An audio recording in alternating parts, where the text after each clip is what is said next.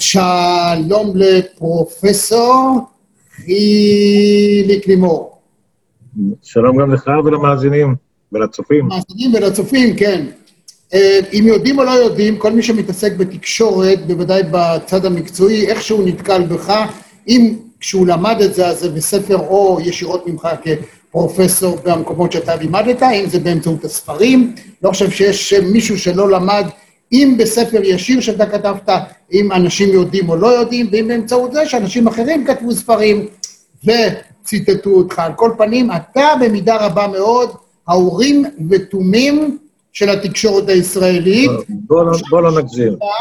עכשיו השלמת יחד עם אה, תהילה אלצ'ולר את כתיבת אה, הקוד האתי החדש של העיתונאים. אני כאחד מחברי אה, מליאת מועצת העיתונות שמחתי לאשר, והיה תענוג גדול גם כל התהליך של העיבוד והאישור של הסעיפים השונים. אז בואו נתחיל בשאלה טריוויאלית פשוטה.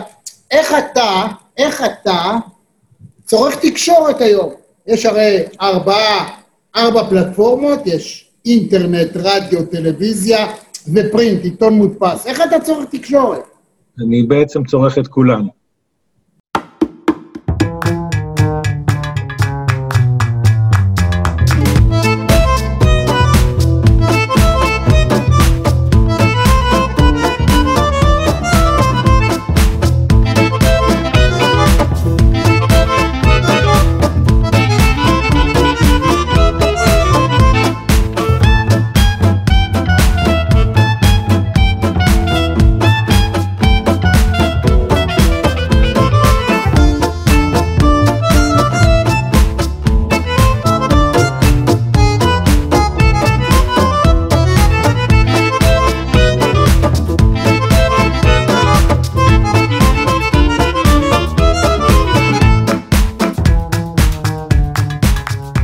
אני מתחיל את הבוקר עם שני עיתונים מודפסים שאני מקבל הביתה, בעצם שלושה. אה, בלילה, אני, לפני שאני אלך לישון, ואני אלך לישון מאוחר, כי אני חיית לילה, אז אני עובר על הכותרות של לפחות שני עיתונים, הכותרות של מחרת היום כבר.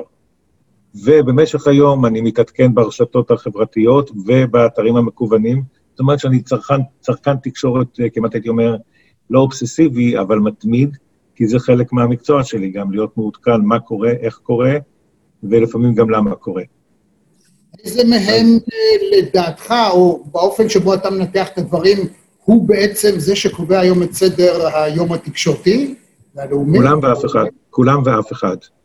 כי בעצם מה שקורה, מה שקורה הוא שאם בעבר היו לנו עיתוני בוקר, אה, עיתוני בוקר בעיקר, גם קצת עיתוני ערב שהפכו להיות עיתוני בוקר, אז כדי שיהיה פולו-אפ, היינו זקוקים ליום שלם, או לפחות לכמה שעות טובות. מהדורת חדשות בטלוויזיה הייתה רק בערב, עיתונים יצאו אחרי 24 שעות, עיתונים נוספים, וזו הייתה הדרך להדהד או לעשות פולו-אפ בשפה המקצועית על מה שפורסם. כיום, מספיק שמישהו אה, מפרסם משהו באיזה, בציוץ בטוויטר, אה, בפוסט בפייסבוק, או באתר שלו, ומישהו מגלה את זה, אז בתוך דקות העסק מהודהד, ואז אף אחד לא תמיד, או בדרך כלל לא זוכרים מי היה המקור, אלא אם כן רוצים להשמיץ אותו, או מישהו רוצה לפרגן לו. אבל רוב האנשים לא, לא יודעים מי היה המקור, וזה גם בעצם, נדמה לי, לא חשוב להם. מה שחשוב זה המידע עצמו. המידע אנחנו... איך אפשר כן. לייחס לו מידת אמינות כזו או אחרת? עוד שנייה אות ואתה עונה לי. בבקשה. אני לא חושב שאפשר לייחס, ואנחנו רואים באמת אה, שחיקה ברמת האמינות של התקשורת, שחיקה שנמשכת הרבה שנים, היא לא תופעה ישראלית, היא קורית בכל העולם המערבי, למרות שאני קצת מתעודד, כי בשנה של הסקר האחרון של המכון לדמוקרטיה הראה שבכל זאת יש שיפור באמינות של, ה, של התקשורת.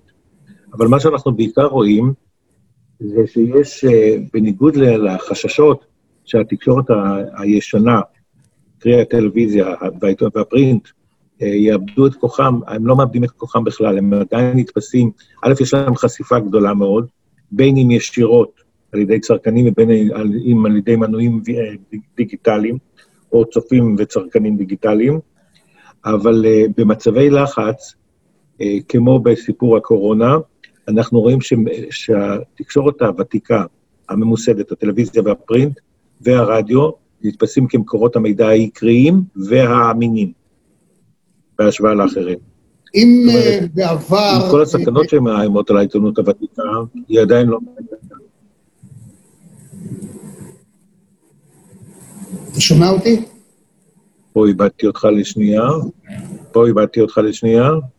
בוא נחזור. טכנולוגיה ש... רגע, כן. בבקשה. תחזור על המשפט האחרון. המשפט האחרון היה שלמרות החששות של לגבי עתידה של העיתונות הוותיקה והממוסדת, היא עדיין יש לה מקום, יש לה חשיבות, ואנחנו רואים את זה באמון הגבוה, רמת האמון הגבוהה יותר שיש כלפיה ביחס לאחרים, ביחס טוב. ויחד עם זה, הפייסבוק, ה fake, ה fake news זו תופעה שצריך ללמוד להתמודד איתה. זה לא פשוט, ואם דיברנו במשך הרבה מאוד שנים, עשרות שנים, על הצורך לחנך את הציבור, לא רק בארץ, אלא בעולם כולו, למה שקראנו צריכה תקשורתית נבונה ונכונה, אז היום הדברים האלו חשובים שבעתיים, בגלל ההיצף של fake news, של אה, מידע לא בדוק, גם אם הוא לא פייק, הוא לא בדוק, הוא לא שלם, אה, ודברים שהעיתונות, כמי שאתה גדלת, ועיתונאים גדלו, שצריך לבדוק את העובדות, להצליב את העובדות, להיות משוכנע שזה הכל אמת, לפחות אמת לשעתה. היום, בגלל המהירות והתחרות בין אמצעי התקשורת, קודם כל יורים ואחר כך מחפשים את המטרה. והרושם יחד עם זאת הוא שמי שמפיץ את המידע, הוא מרשה לעצמו הרבה יותר אה, בקלות אה, להפיץ fake news. זאת אומרת, אם ספרו לנשיא האמריקני בשנה הראשונה בלבד מבין 5,600 ציוצים, שזה בכלל דבר מטורף, בשנה אחת יותר מ-5,000 ציוצים, 3,700 היו fake news. היו בהם אי-דיוקים, מרמת אי-דיוקים ועד שקרים מכוונים. אז איך אפשר להתייחס ברצינות? קודם כל זה דבר מעניין שהנשיא אה, בעצם מצייץ ממוצע 15 פעמים ביום, זה דבר בלתי, בלתי סביר לחלוטין. אני לא יודע מתי יש לו זמן לעשות דברים אחרים, אם הוא כל היום מצייץ. יש אומרים שהוא לא עושה כלום. יכול להיות, אנחנו רואים את זה כולנו. יש לו עוזרים אולי טובים שעושים גם כמה דברים טובים. אם הוא עסוק, אז זה רק בלהחליף אותם. בכל זאת העוזרים שלו. אוקיי. בסדר. אוקיי. הוא לא הנושא שלנו. אם המקור הופך להיות אה, לא כל כך אמין, אז מה נעשה? זאת אומרת, אי אפשר להאשים את התקשורת, אנחנו בסך הכל, קודם כל מצטטים, הנשיא אומר, ראש הממשלה אומר, השר אומר, ואין לנו בעצם כלים היום לדעת אם זה נכון או לא נכון. רמי, לפני זה, יש לי בעיה במונח תקשורת. אוקיי. למה בעצם, למה בעצם מתכוונים? אתה יודע, כל פעם שתוקפים את התקשורת, אני שואל, למה בדיוק מתכוונים? יש בארץ כ-15 עיתונים יומיים. יש בארץ כ-100 תחנות רדיו. יש בארץ כ-300 מקומונים. יש בארץ כאלף כתבי עת נוספים.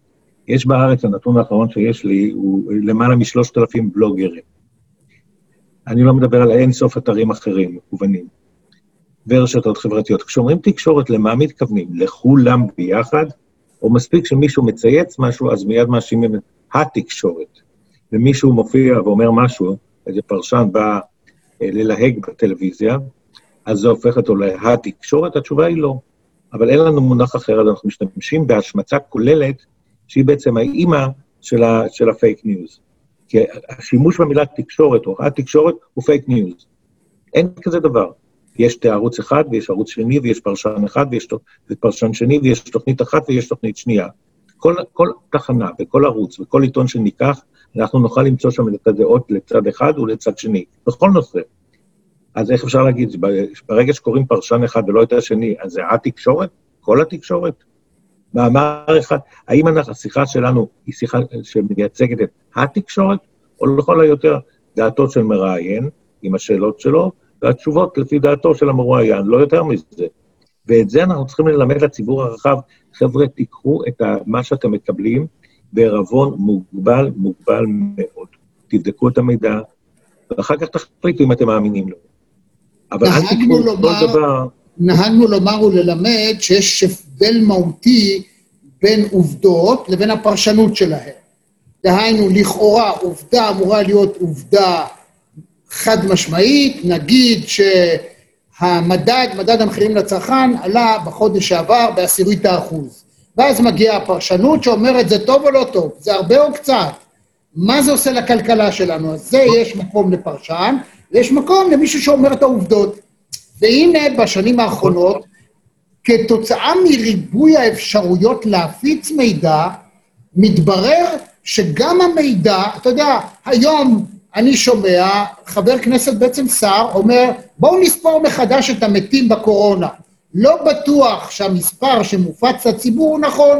שמעתי, אומר שר, חבר כנסת בכיר, אומר, שמעתי, ש-30 אחוזים מבין, דהיינו, מכמעט 1,100, בערך 300 או 350, יכול להיות שהם בכלל מתו ממשהו אחר. עכשיו, בוא, אתה יודע, אנחנו לא משמיצים אף אחד, ולהפך, אנחנו באים ואומרים, אי-הוודאות היא כל כך גדולה, כבר אתה, אתה לא יודע למה להאמין, למי להאמין. אבל אתה מוכר את אי-הוודאות כעובדות, זאת הבעיה. כי גם השר לא יודע. אז הוא שמע, הוא שמע של 30 אחוז. למה הוא לא שמע שזה 22 אחוז או 47 אחוז? הוא שמע והוא יורה. כי בעצם המאבק, ש... כל הפוליטיקאים היום רצים מערוץ לערוץ. זה מעסיק אותם. המרוץ, מה, לערוץ, המרוץ מערוץ לערוץ. כי, הם, כי לכולם, לכולם אה, מרחף דגל אדום או דגל שחור של בחירות קרובות. חלק מהם יודעים שבבחירות הקרובות הם יאבדו את מקומם בכנסת, ולכן במאבק שלהם לקבל אה, אה, נוכחות ציבורית, הם רוצים כל הזמן לכבוש את, הכותר, את הכותרות. איך אתה עושה את זה? אתה עושה את זה בהפרחת סיפורים, אמיתיים או לא אמיתיים, זה סיפור אחר. אתה מרים את הקולות שלך, אתה הופך להיות צווחני וצעקני. היום קראתי פוסט של מישהו שמציע לעלות על אה, סלאח א-דין במקרה מסוים, הוא מתנדב אפילו להיות הנהג, חבר כנסת זוטר, שמתנדב אפילו להיות הנהג של ה-D9, שיהרוס את אה, צלאח א-דין. מה זה? זאת אומרת, אז הוא יקבל כותרות, אבל זה מה שהוא רוצה. זה מה שהוא רוצה.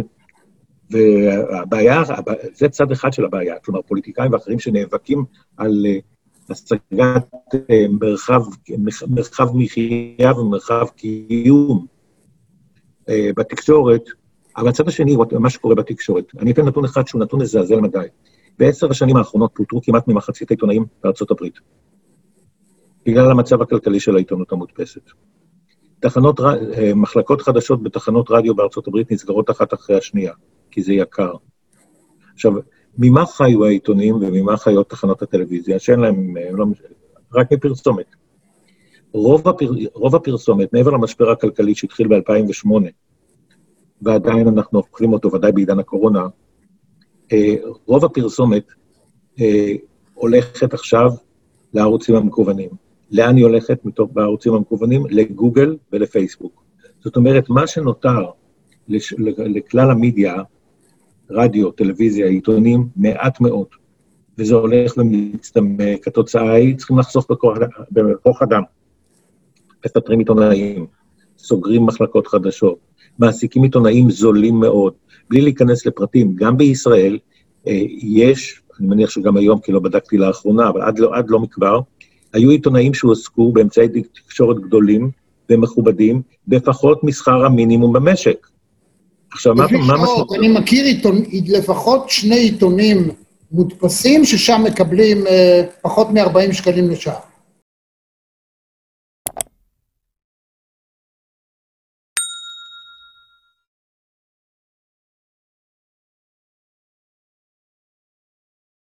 מה משמעות הדבר? משמעות הדבר היא כפולה. אחת, אתה מעסיק כוח אדם זול ולא מקצועי, ותוחלת החיים של כוח האדם הזה היא קטנה מאוד, כי ברגע שיש להם הזדמנות להרים כנפיים ולפרוח למקום אחר שבו הם ירוויחו יותר, הם יברחו.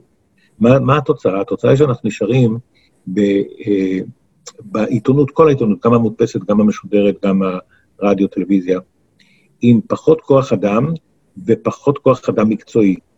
אה, אני, אני פעם השוויתי בין אה, עיתונות מקצועית לבין מקצועית ומקצוענית לבין צבא. בצבא יש שתי שדרות פיקוד. אחת היא של נגדים. הם לא יהיו קצינים, אבל הם מגדלים ומחנכים ומצמיחים את המוכשרים שמהם יצמחו הקצינים. אבל ה-backbone, חוט השדרה המקצועי של כל צבא, זה הנגדים. בעצם חוליית הנגדים נשחק, אלה עורכי המשנה, המשכתבים, כל אלה נעלמו מהעיתונות, כי זה יקר להחזיק אותם.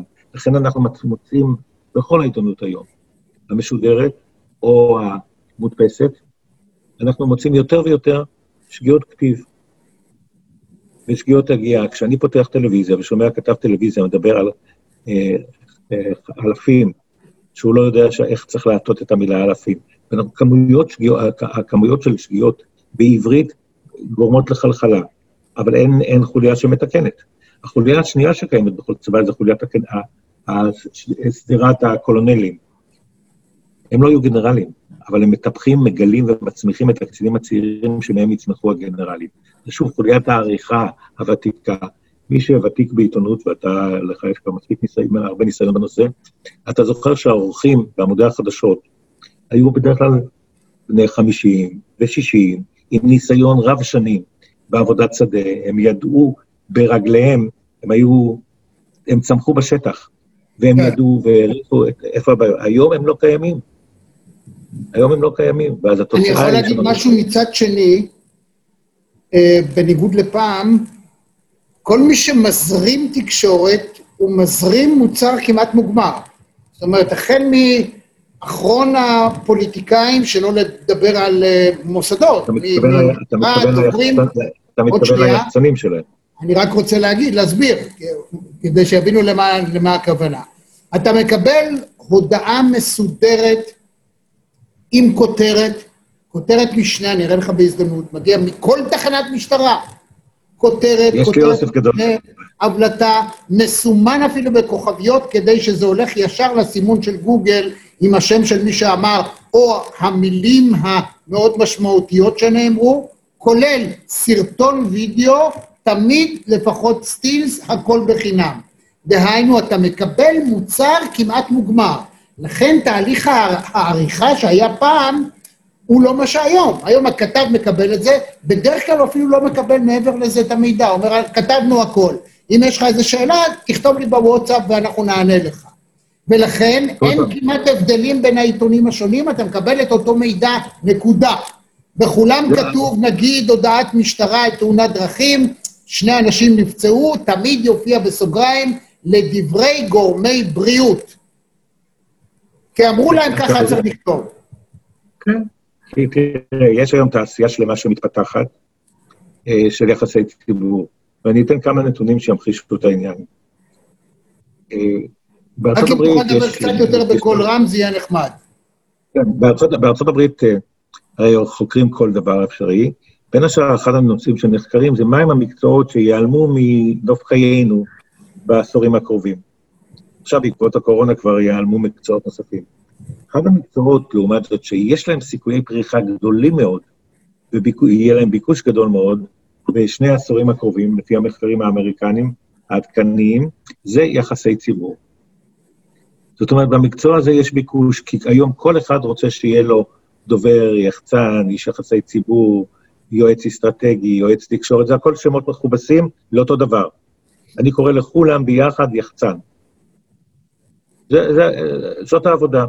זה שבתוך היחצנות יש לפחות 17, 17 תפקידים או 17 פונקציות, זה לא משנה את המהות של התפקיד. זה הכל, כל השאר זה סמנטיקה. אם אתה יועץ תקשורת או דובר, או, או, או יועץ בכיר או יועץ אסטרטגי, זה הכל אותו דבר.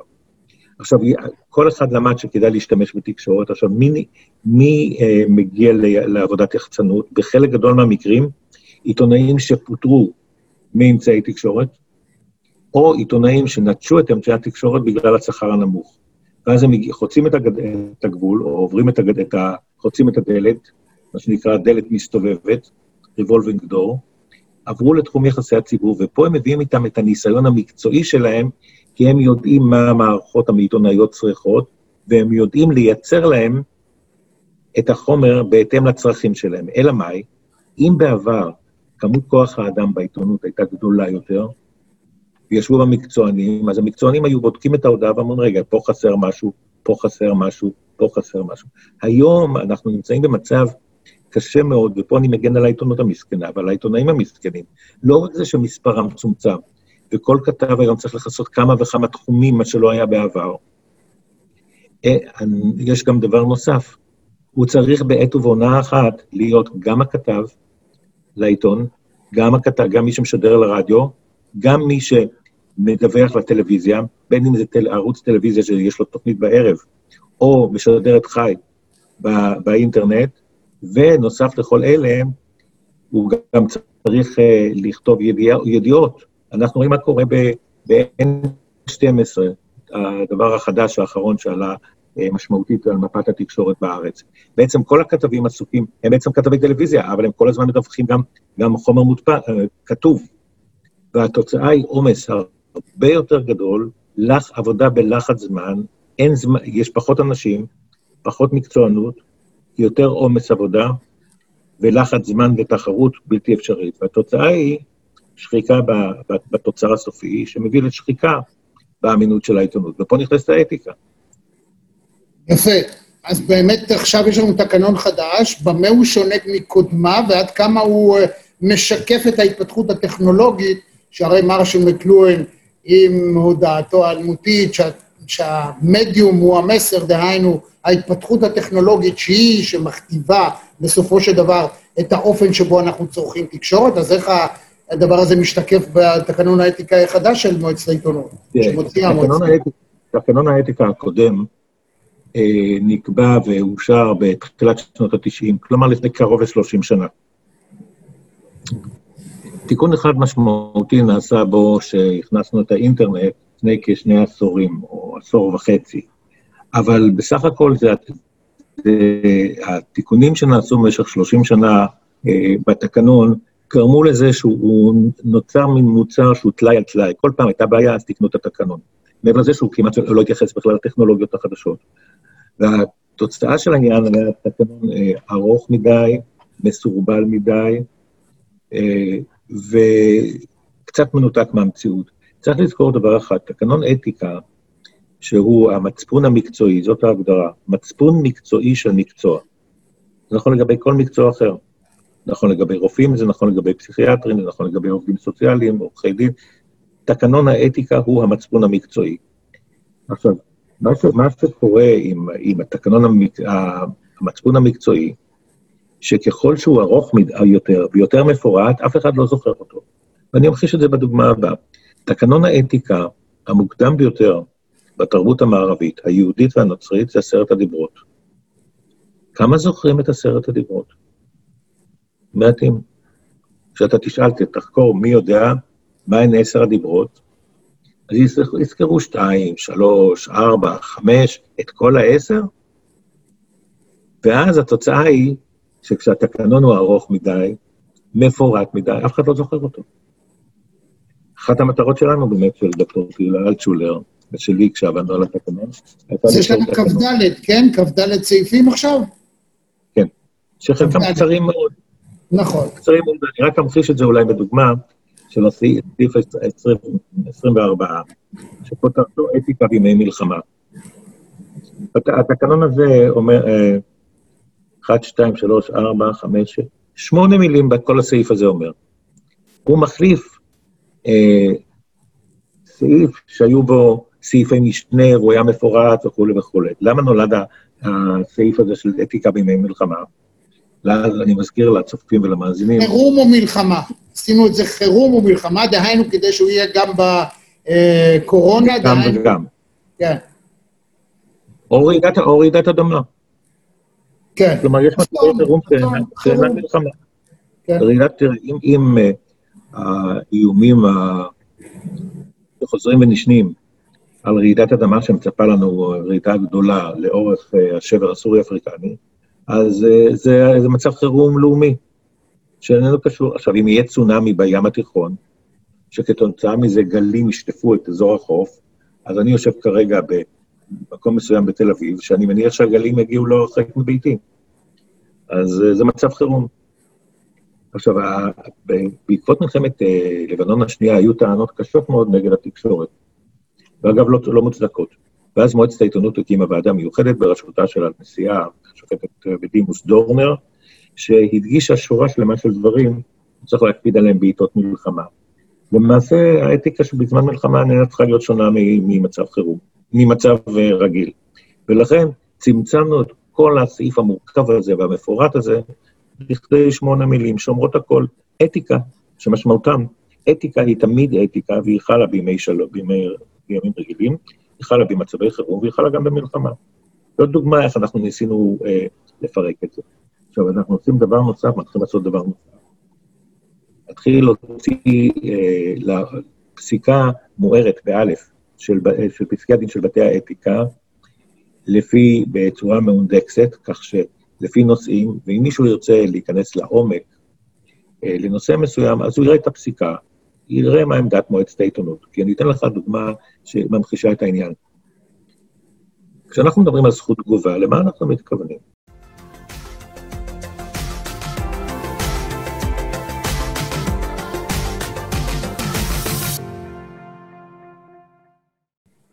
הסוגיה הזאת ששמה זכות התגובה, יש לה לפחות 28 היבטים, לפחות.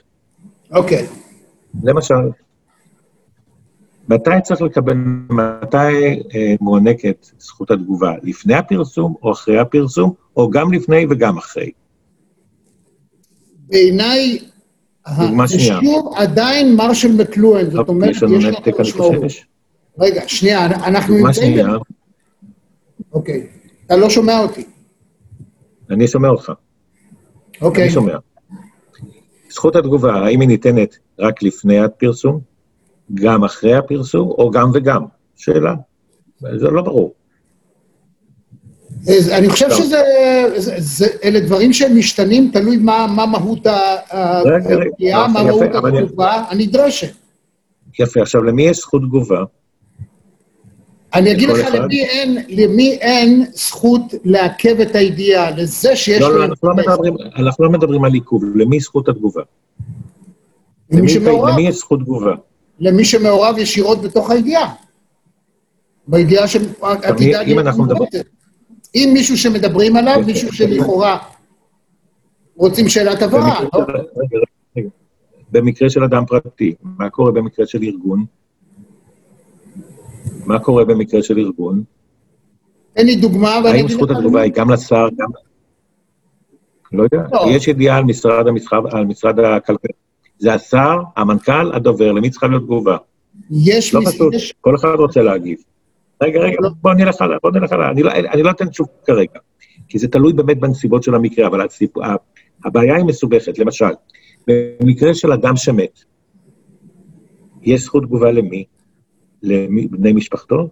מה זאת אומרת? זכות תגובה על מה? פרסמו משהו על... פרסמו משהו על אדם שנפטר.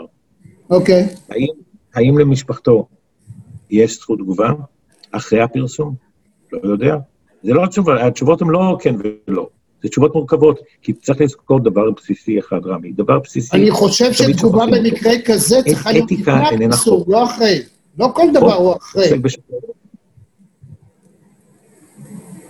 לא, זה תלוי, לכן אני אומר, בדיוק, אנחנו נמצאים במצב מורכב. אתיקה, חוק אומר מה אסור. ואז אנחנו יודעים מה שחור ומה לבן, כי מה שלא אסור מותר. האתיקה יושבת בקטע האפור, בין השחור לבין הלבן, ולכן המצבים הם לעיתים קרובות נזילים. ומטרה של האתיקה, ולכן קיימים בתי הדין לאתיקה, שצריכים לפרש את החוק כמו בתי הדין שלנו. בתי המשפט שלנו, הרי הכנסת מחוקקת חוקים, ואז באים בתי המשפט ומפרשים אותם. הטריבונל הזה קיים גם במועצת העיתונות. היא צריכה לפרש ולהחליט האם בנסיבות המקרה הייתה פה הפרה של האתיקה. ומבחינה זו, וזכות התגובה היא רק דוגמה אחת לעניין, שיש המון היבטים של זכות התגובה שלא חושבים עליהם. למשל, קיבלת זכות תגובה לפני הפרסום, ציינתי את התגובה שלך בפרסום שלי, אבל אתה לא, לא מבסוט ממה שפורסם ואתה רוצה להגיב עוד פעם. יש לך זכות כזאת? שאלה קשה. תלוי מה פורסם, נכון? אנחנו צריכים להיכנס לכל מקרה לגופו. ולכן, מי שמצפה שאתיקה תהיה אה, ברורה מאוד, חדה מאוד, התשובה היא לא. התשובה היא לא. כי בואו נחזור רגע לתקנון האתיקה הראשון, התנ"ך, עשרת הדיברות, מה זה כבד את אביך ואת אמך? מה, מה משמעות הדבר? איך עושים את זה? להביא להם פרחים כל יום שישי? להגיד להם שבת, לטלפן להגיד שבת שלום? לעשות להם מסיבות יום הולדת? לדבר אליהם uh, בנימוס? מה זה נקרא כבד את אביך ואת אמך? אנחנו לא יודעים. יש כלל, אבל איך, מה המשמעות, מה המשמעות היישומית שלו? כך שבעצם האתיקה... אין לך רב, והוא יגיד לך מה. זה בדיוק העניין. אתה העלית את זה בצורה יוצאת מן הכלל. אני אתמול, אגב, ערכתי כאן את uh, הרב דוד סתיו מרבני צוהר, ובדיוק דיברנו על ככה דברים שנושקים לזה. זה בהחלט, הפרשנות היא עדיין נותרת פרשנות, אבל אתה יודע, לבית משפט, אם מדברים בעבירה פלילית, אתה יכול להגיע רק כאשר חצית את הסף של ביצוע עבירה פלילית. אם אין או יש ספק, אז נכון. אפילו אם עברת לפעמים עבירה פלילית, אם אין בזה עניין ציבורי, יסגרו את התיק, לא יעמידו אותך לדין. Uh, ככל שזה יהיה יותר מהודק, אני חושב שתקנון האתיקה לא מחויב על כל דבר להתערב, ולעיתים אנשים, זה שמישהו מרגיש שהוא רוצה uh, להתלונן על מישהו, זה לא אומר בהכרח שמועצת העיתונות צריכה להתערב. לא, זה, זה עניין שצריך לחשוב עליו היטב. אני חושב שאתה מלך בתחום הזה. נכון, ונכון, אוקיי? אז... אבל לכן זה מגיע לבתי הדין לאתיקה, והם צריכים להחליט האם בנסיבות העניין, בנסיבות העניין, יש בו, אה, משום, משום, יש במעשה או במחדל, זה תלוי, זה יכול להיות מעשה או מחדל. יש בזה משום הפרה על אה, אה, הפרה של תקנון האתיקה ושל כללי האתיקה. אבל הייתי מוסיף עוד דבר חשוב, שזה אחד החידושים של התקנון, וגם פה אנחנו הולכים בטרה אינקוגניטה, באדמה לא מוכרת, לא ידועה, חדשה, והיא חדשה בכל העולם. אני מתכוון לרשתות החברתיות. זכותו של כל אדם, כולל עיתונאי, שיהיה לו אה, חשבון אישי ברשתות החברתיות, שבהם הוא יוכל להביע את דעתו. אבל כאשר קוראים ברשתות החברתיות מה שרמי יצהר כותב, לא קוראים את זה בגלל שזה רמי יצהר האדם, אלא משום שהוא רמי יצהר העיתונאי, השדר, האיש המוכר. ולכן גם בארצות הברית, גם באנגליה, רגישים מאוד, ועדיין אין, תשובות מן הספר, כי זה, אנחנו נמצאים בראשיתו של תהליך.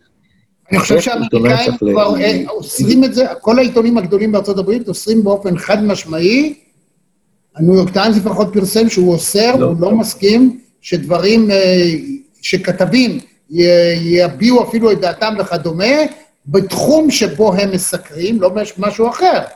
אם אדם הוא... יפה, אז עכשיו... יפה, אז עכשיו, אם אני קורא מה שרמי יצהר כותב בתחום שהוא לא מסקר, אז אני אומר לעצמי, רגע, אז אולי זאת דעתו, אז גם בתחום שהוא מסקר, האם אני סומך על מה שהוא כותב? וזאת הבעיה. איפה הגבול הדק, ואנחנו רק בתחילת הדרך של לחפש את הפתרונות, איפה הגבול הדק בין רמי יצהר, השדר, הפרשן בטלוויזיה, הכותב בעיתון, לבין רמי יצהר, שפתאום יש לו דעות פרטיות בערוצים הפרטיים שלו. מתי, מתי הוא אמין, מתי הוא, בוא נאמר ככה, מתי הוא אובייקטיבי, ואני לא אוהב את המילה אובייקטיבי, מתי הוא ניטרלי, מתי הוא הוגן, ומתי הוא משתלח עם דעתו האישית. הקורא פשוט לא יודע את זה. ולכן הבעיה היא איך להציב uh, גבולות. רק, רק בתחילת השבוע, המנכ"ל החדש של ה-BBC אמר בנאום, בנאום הבכורה שלו, שצריך לחשוב על זה שכתבי ה-BBC לא יוכלו להפעיל בכלל רשת, רשתות אישיות, או... אה, עכשיו, זה הוגן, מצד שני יש לאנשים גם זכות ביטוי. אז גם ה-BBC מתחיל לחפש את הדרך, שזה קצת נסיגה לעומת מה שהיה קודם, גם הניו יורק טיימס מחפש את דרכו, וצריך לזכור שהניו יורק טיימס הוא רק אחד, עיתון אחד מכ-1,400 עיתונים בארצות הברית. עיתונים יומיים. אבל האחרים, כל אחד פועל בדרך אחרת. בעבר גם אה, כל אדם היה רשאי, על פי חוק, למשל, להתבטא. גם אם אדם הוא נגר או עובד בתור מהנדס, אסור היה לו נגיד לעבוד באותו תחום במקום אחר, אבל לצייר, לכתוב ספר, לכתוב מאמר בעיתון, הוא רשאי היה. זה היה משהו בתחום של זכויות הפרט. מה שאתה מדבר הוא באמת באמת באמת בעייתי בנקודת המבט של האדם. לכן אני חושב שבאיזשהו מקום זכותו של עיתון, כאשר הוא שוכר את שירותיו של עיתונאי מסוים לנסות להעלות מה תפיסת עולמו הכוללת, ובאותה נקודת מבט לקחת אותו כן או לא. אני אקשה עליך, רמי. לפני כמה שנים לפני כמה שנים פרסמתי מאמר בכתב העת שנקרא Journal of Media Ethics, כתב העת המוביל בתחום אה, אתיקה בתקשורת אה, המונים, כתב עת אמריקני. ושם, אה, אחרי שבדקתי קרוב ל-250 תקנוני אתיקה בכל העולם, הצגתי את השאלה, איזה חלטורות במרכאות מותר לעיתונאי לעשות? למשל, האם עיתונאי שמחסה את עיריית תל אביב, יכול להיות חבר, יכול להיות חבר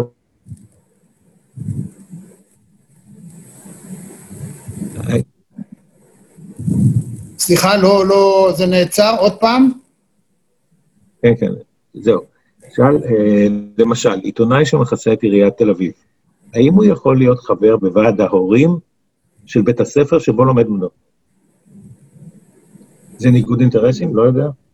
האם מותר לעיתונאי שהוא כתב לענייני אה, כלכלה, או כתב לענייני אה, בריאות, להיות פעיל במפלגה?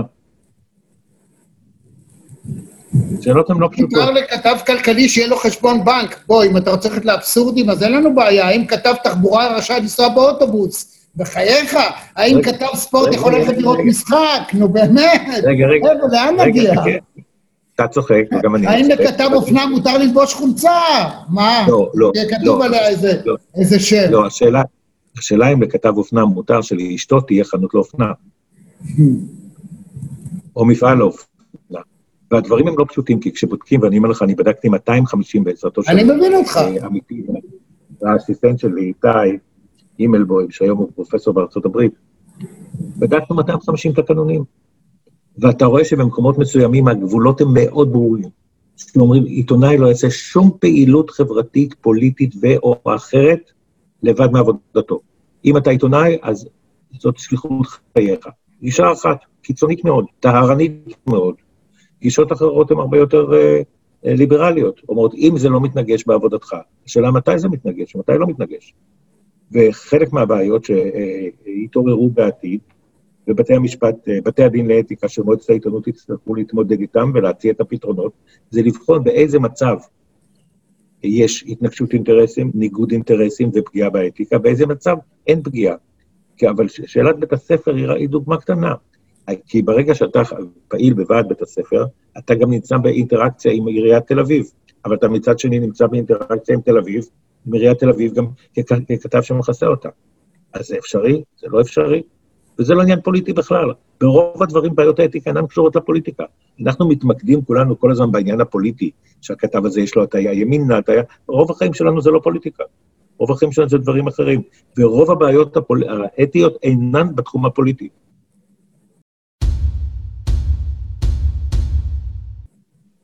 אני מבין את מה שאתה אומר, אבל לשם כך קיימת מועצת העיתונות, לשם כך קיימים אותם מוסדות במועצת העיתונות, שאליהם ניתן לפנות ולהתלונן, ומי שאמור לבחון את הסוגיות האלה בדקויות הללו זה כפי שאתה מציע.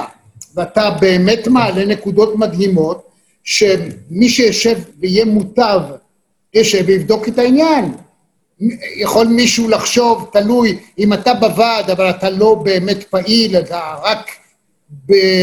הרי יש כל מיני ועדים, יש ועדים מיליטנטיים, יש כאלה שרק מקבלים מידע, נכון, יש כאלה שהם נכון. פעילים במאבק מול העירייה, אז מן הסתם, אתה תגיד, אם אתה צריך ללכת ולדבר עם פקיד בעירייה, ואתה גם מסקר את העירייה, הזאת בעיה, אבל באותה מידה תמיד אפשר יהיה להגיד, אם אתה כתב לענייני תל אביב, אתה תמיד יכול להרים טלפון גם כשאתה לא בוועד ולהגיד לאיש שאתה מכיר, חבר'ה, בבית ספר זה וזה, לא יודע, קרה כך וכך. הרי אין גבול למה שנקרא פרוטקציה נכון, וכדומה. אז מה, אז אסור לילדים שלו ללמוד באותה עיר? זאת אומרת, אם לא, נלך עם האתיקה, אנחנו יכולים להגיע לאבסורד. מותר לו, אבל לפי תקנון האתיקה, אסור לו לנצל את כוחו העיתונאי לדברים שאינם קשורים לעבודתו העיתונאית. זאת עבירה אתית. ברור. אבל בסדר, תראה, מה שמרתק באתיקה זה שזה לא שחור לבן, כי בשחור לבן אנחנו יודעים להסתדר. שחור, כן. החוק אוסר, לבן, מותר. האתיקה יש, היא מרחב אדיר אה, באפור, ופה צריך שכל ישר. אז אני רוצה לשאול אותך, הואיל ואתה קובע את המוטבים של מי שינהל, ישמע את התלונות הללו, ישב בדין ויקבל את ההחלטות, איך אתה קובע מי יישב? זה דבר מרתק. תשמע, קודם כל אני חייב להחמיא לך ולהגיד שאתה אדם מדהים, אופן הראייה הרחבה שלך, הניסיון שלך, הנחישות שלך, היסודיות שלך לבדוק, כמו שאתה אומר, מאות אה, תקנוני אתיקה למיניהם, כן. אז באמת מעניין אותי, וגם אני מופיע כמוטב אפשרי. איך אתה תקבע מתי אני אשב ומתי לא? תראה, אני אתן לך דוגמה, אני לא, לא אכנס לכל הרקע המקצועי שלך. לא, לא שלי, אלא כללית, כאילו, איך אתה קובע? אני אקח אותך כדוגמה, כי אמרת, גם אתה, גם אתה, okay. אוקיי. גם אתה חבר כנציג האורחים והמו"לים. אה, למשל, אני, אני לא אשבץ אותך בשום, בשום אה, דיון בתלונה שנוגעת לאחד מכלי התקשורת שבהם עבדת בעבר. אוקיי. Okay. זו דוגמה. בין אם אתה בעד, ובין, ובין אם אה, הסתכסכת איתו, ובין אם נפרדתם, זה היו גירושים איתו. מעולם לא הסתכסכתי עם אף אחד, אז אני שמח. אבל אז תמיד אפשר יהיה אחד שהלך... טוב, אתה יודע, לא, לא אני לא אחמיר את זה, אבל זה לא בעיה. כי אם הייתה נכון. תקופה של מלחמת העולם בין מעריב לידיעות, אז כשאתה אומר, אני, אם זה תלונה נגד ידיעות, אז אני לא, לא אשים מישהו מידיעות, אז ברור שאם תשים אחד ממעריב, אז הוא שונא את ידיעות, אז יש לו חשבון לא, איתם. זה, זה ברור לגמרי.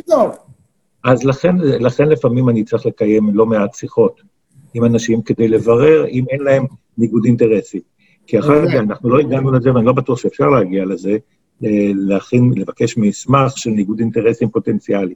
אז את הבדיקות, כיוון שאנחנו מדברים על מעט תיקים, לא כמו בית המשפט העליון שיש עשרת אלפים תיקים, ואז צריך מנגנונים הרבה יותר... אה, אנחנו מדברים על כמה עשרות תלונות בשנה, אז נעשית בדיקה שבחלק מהמקרים אה, היא פשוטה, בחלק מהמקרים היא יותר מורכבת. כי אני, כשאני ממונה יושב ראש מוטב, הוא אה, איש, נציג ציבור, תמיד נציג ציבור בראש המוטב, אז השאלה היחידה שאני אשאל אותו, האם יש לך ב, ב, לא, בקייס הזה ניגוד אינטרסים או חשש של ניגוד אינטרסים? מכיוון שאני, בחרנו רק אנשים הגונים ושופטים לשעבר ועורכי דין, אז הם אומרים כן או לא. אם, אם זה כן, אז התשובה תודה, נעבור לבא אחריו בתור. אם זה לא... בוא, בוא עכשיו ננצל את ההזדמנות ונעודד אנשים, כי אני חושב שכמועצת עיתונות, יש אינטרס למועצת העיתונות שמי שמרגיש נפגע יכול בהחלט אה, אה, להגיש תלונה, אז בוא תיתן בבקשה את אמות המידה הכלליות, איזה סוג של תלונות להגיש ואיך עושים את זה. תראה, איך עושים, יש, אה, זה הדבר הכי פשוט, משום שבאתר האינטרנט של המועצה יש, אה, יש נהלים מפורטים איך מגישים תלונה. וגם נוהל בית הדין לאתיקה, שגם הוא עודכן וחודש. למעשה, מי שמרגיש נפגע, שהעיתונות, שהעיתונות, ואני אומר, גם המשודרת, גם המקוונת, גם המודפסת, פרסמה מידע לא נכון. אה, טיפלה בנושא מסוים בצורה אה, מוטית, אה, לא הוגנת, יכול להתלונן. בחלק מהפרוצדורה היא כזאת, התלונה מובאת למועצת העיתונות, אם יש לה לכאורה בסיס, לכאורה, כי יש תלונות שלא נוגעות למועצת העיתונות, משום שאם מישהו מתלונן על זה שהעלו את מחירי המים ברשות המקומית שלו, זה לא שייך, לה, זה לא נוגע לעיתונות. אם הוא יטען שהוא פנה לעיתונות והיא לא טיפלה בזה והיא מסתירה את זה, כי כתבים מקומיים יש להם קשרים מהעירייה, בסיס לתלונה. אז התלונה מועברת ליועצת המשפטית של המועצה, היא בודקת אם יש לה בסיס, לכאורה, אם מבקשים תגובה מהנילון, ואם, לאור התשובים התשובה איננה מספקת, אז זה מובא, לידי, מובא בפני בית הדין לאתיקה. עכשיו, בחלק גדול מהמקרים, ובואו צריך לזכור את זה, לדעת, בעצם המועצה ממלאת תפקיד, את הפונקציה או את התפקיד של גישור.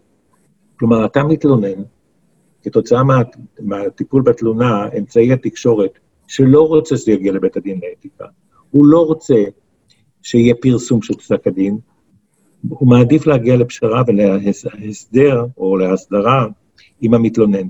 המתלונן לא רוצה את הפרסום נגד אמצעי התקשורת, הוא רוצה שהבעיה הפרטית שלו, או התחושה הפרטית שלו, ייפתרו.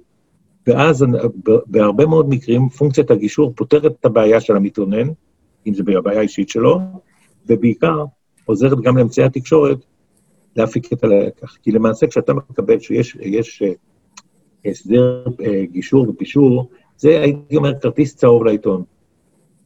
לעיתון אה, גם המודפס וגם המקוון. תדעו שפעם הבאה יכול להיות שלא יהיה גישור, ואז יהיה פסק דין. ואנחנו חיים היום בעידן של תחרותיות. אני אומר פה משפט קצת חריף. לפני עשורים רבים היה מעין הסכם שבשתיקה, שתוק לי ושתוק לך בין העיתונים הגדולים. גם כשירשיעו אותך בית הדין לאתיקה, אתה לא תפרסם עליי ואני לא אפרסם עליך. היום זה נגמר. אם, בואו ניקח דוגמה, אם ידיעות אחרונות יורשע בבית הדין לאתיקה, אני מניח שיהיה לפחות עיתון אחד שישמח לפרסם את דבר ההרשעה בהרחבה מאוד. אני מניח שאם תהיה הרשעה כלפי הארץ, יהיו עיתונים שישמחו לפרסם את זה בהבלטה, שלא לדבר על מה שירוץ ברשתות החברתיות. זאת אומרת, אנחנו נמצאים פה במצב מאוד מעניין. אמצעי התקשורת חברים במועצת העיתונות, כי היא בעצם המגן שלהם, והם מעדיפים שדברים יתנהלו וייגמרו בבתי הדין לאתיקה, או בתהליך הגישור שקודם לבית הדין, במקום שהם יצאו החוצה. עכשיו, זה לא כיבוס של הבעיה, זה פתרון הבעיה, פתרון פנימי של הבעיה. כי מה, מה תפקידה של מועצת העיתונות? במועצת העיתונות בכל העולם, יש, יש היום בעולם כ-50 מועצות עיתונות. רק במדינות דמוקרטיות, במדינות לא דמוקרטיות אין מועצות עיתונות. ויש להם שני תפקידים. אחד, להגן על חופש העיתונות, וזה התפקיד שפחות מכירים אותו. אה, נציגי המועצה מופיעים בכנסת, נאבקים נגד חוקים, ובהזדמנות אחרת, בתוכנית אחרת, אם תרצה, אני אתן שורה שלמה של דוגמאות, איזה חוקים נבלמו על, על, על, בפעולה של מועצת העיתונות. כי צריך לזכור שהיום האצבע על הדק החקיקה בכנסת היא קלה מאוד, וברוב מקרי של שניים נגד אחד, ב-12 בלילה, אפשר להעביר היום כל חוק. אין משמעות למשמעת הסיעתית, אין משמעות לסדר, אין משמעות לשום דבר, אין עם מי לסגור גם. והמאבק להגן על חופש העיתונות הוא מאבק uh, חשוב. יש uh, עשרות הצעות, הצעות חוק שהועלו על ידי חברי כנסת, שנועדו להגביל ולפגוע בחופש העיתונות. זה המאבק של מועצת העיתונות. המאבק השני הוא לטייב ולשפר את האיכות המקצועית, שהאתיקה היא חלק ממנה. וזה מה שעושה מועצת העיתונות, והתקנון שרק השבוע אישרנו אותו סופית, התקנון החדש, הוא חלק מהניסיון, מהמאבק לטייב, לשפר את הרמה המקצועית ואת האתיקה של מועצת העיתונות.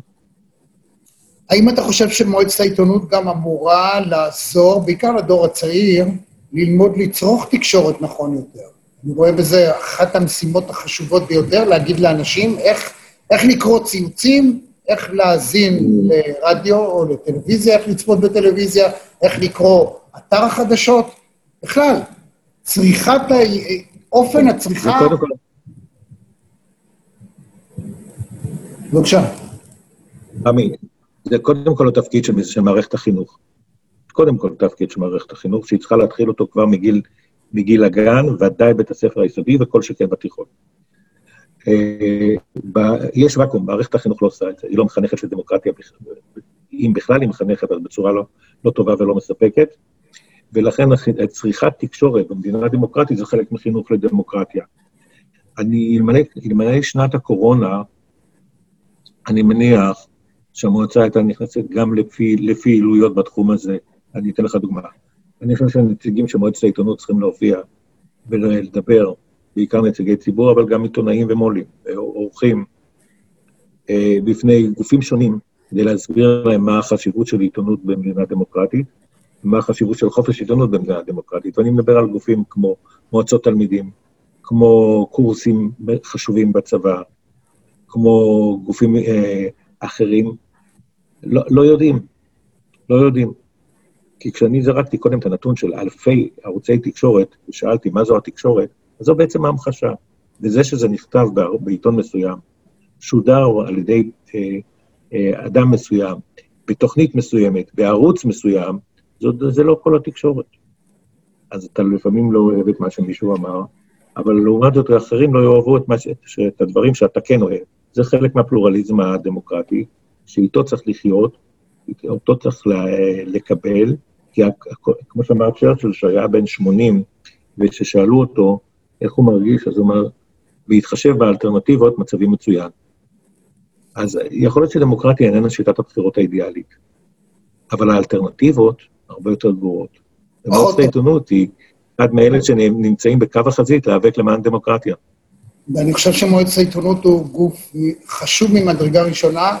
אני בעצמי, אני לא אשכח את הפגישה האחרונה שהייתה בבאר שבע, אה, באחד מבתי הספר התיכוניים, זה היה סימפוזיון מדהים, והאופן שבו נשאלו שאלות וכולם השיבו, זה לפי דעתי באמת מסוג הדברים שצריך להגיע לכל בית ספר תיכון בארץ, בוודאי ליחידות צבאיות, לבתי ספר לקצונה, אני חושב- אם אתה שואל אותי, אני חושב שבכל קורס בפום שמכשיר את סדרות הפיקוד של צה"ל, זה חייב להיות, זה חייב להיות בכל קורס ואני ספק. מקווה שנגיע לזה, אבל צריך לזכור שהקורונה בשנה הזאת בעצם אה, קרקעה את כולנו, ולא עושה לנו חיים קלים בכל התחומים, גם בתחום הזה. כן. אני רוצה לשאול אותך לקראת סיום, אה, תופעה שדי אה, מדאיגה, הייתי אומר, אם בעבר לתקשורת היה משקל רב מאוד בעיצוב דעת הקהל, הרושם הוא שבמידה רבה מאוד, מסיבות שונות שאולי אתה אה, תוכל לספר לנו אודותיהן, אה, אותן סיבות, זה הרבה פחות. כי אתה רואה את כל התוצאות של מערכת בחירות לא, אחת זה- אחרי השנייה אחרי השלישית, לא, לא, לא. קורה כלום. לא חשוב מה כתוב, לא חשוב מה אומרים, לא משנה עד כמה אה, הדברים אה. נכונים, לא נכונים. כלום לא קורה. בוא, אני, בוא, אני מציע שאת זה נשאיר לשיחה נפרדת, כי איננה קשורה למועצת העיתונות, ופה אני חוזר לכובע שלי כחוקר תקשורת, כמרצה לתקשורת, כי אתה שואל בעצם את השאלות הגדולות, שעליהן אפשר לתת אה, שיחה, שיחה נפרדת, אפשר לקיים שיחה נפרדת, שתעסוק בש, תעסוק אה, בשאלות הבאות. האם יש לאמצעי התקשורת השפעה? על מי יש להם השפעה? איזה סוג של השפעה יש להם? מה טווח ההשפעה? באיזה תחומים יש השפעה? וכולי וכולי וכולי. ופה אנחנו אפשר, זו שיחה שתהיה מעניינת, משום שהיא תסכם בגדול אה, עשרות שנים של מחקר אה, בתחום הזה, כי השאלה איך משפיעה התקשורת וכמה משפיעה התקשורת, בעצם מעסיקה אותנו קרוב למאה שנים כבר, ממלחמת העולם הראשונה, כל שכן אחרי מלחמת העולם השנייה, בוודאי אחרי המצאת הטלוויזיה והתפתחות אמצעי התקשורת האלקטרוניים. כך שיש פה נושא שלם לשיחה על השפעות של התקשורת, בואו נשאיר את זה לפעם אחרת. נהדר, אז uh, הנה אנחנו כבר מבטיחים שתהיה עוד פגישה ונשוחח שוב. קבע- אז קבע- קבענו עוד דייט. פרופסור חיליק לימור, היה תענוג ענק אה, לשמוע, ואני קורא לכולנו, אם יש בעיה, נתקלתם במשהו, אל תתביישו להתלונן. אנא תתלוננו. אנא אנחנו, תתלוננו. אנחנו, רוצים, אנחנו רוצים את התלונות, כי זה כלי לעזור לשפר, לטייב את העיתונות. תודה רבה לך. תודה לך.